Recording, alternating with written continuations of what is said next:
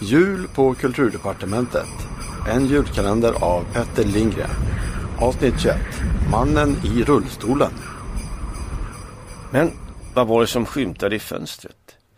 I dunklet bakom min spegelbild anade jag blänket av ekrar, beslag och andra rullstolsdelar och en enorm, påtagligt fyrkantig skugga.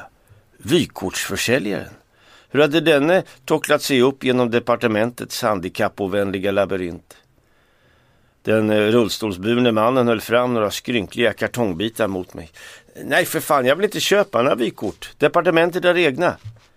Försäljaren drog upp en stor näsduk prydd med brandgula blomsterbuketter i fickan och snöt sig. Herregud.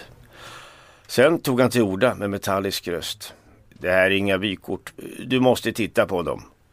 Jag tog mig tvekande emot de solkiga bilderna. Men vad i helvete? Strutkillen? Strutkillen poserande bredvid Facits första reseskrivmaskin. Strutkillen i Alperna. Strutkillen i en tysk väggalmanacka.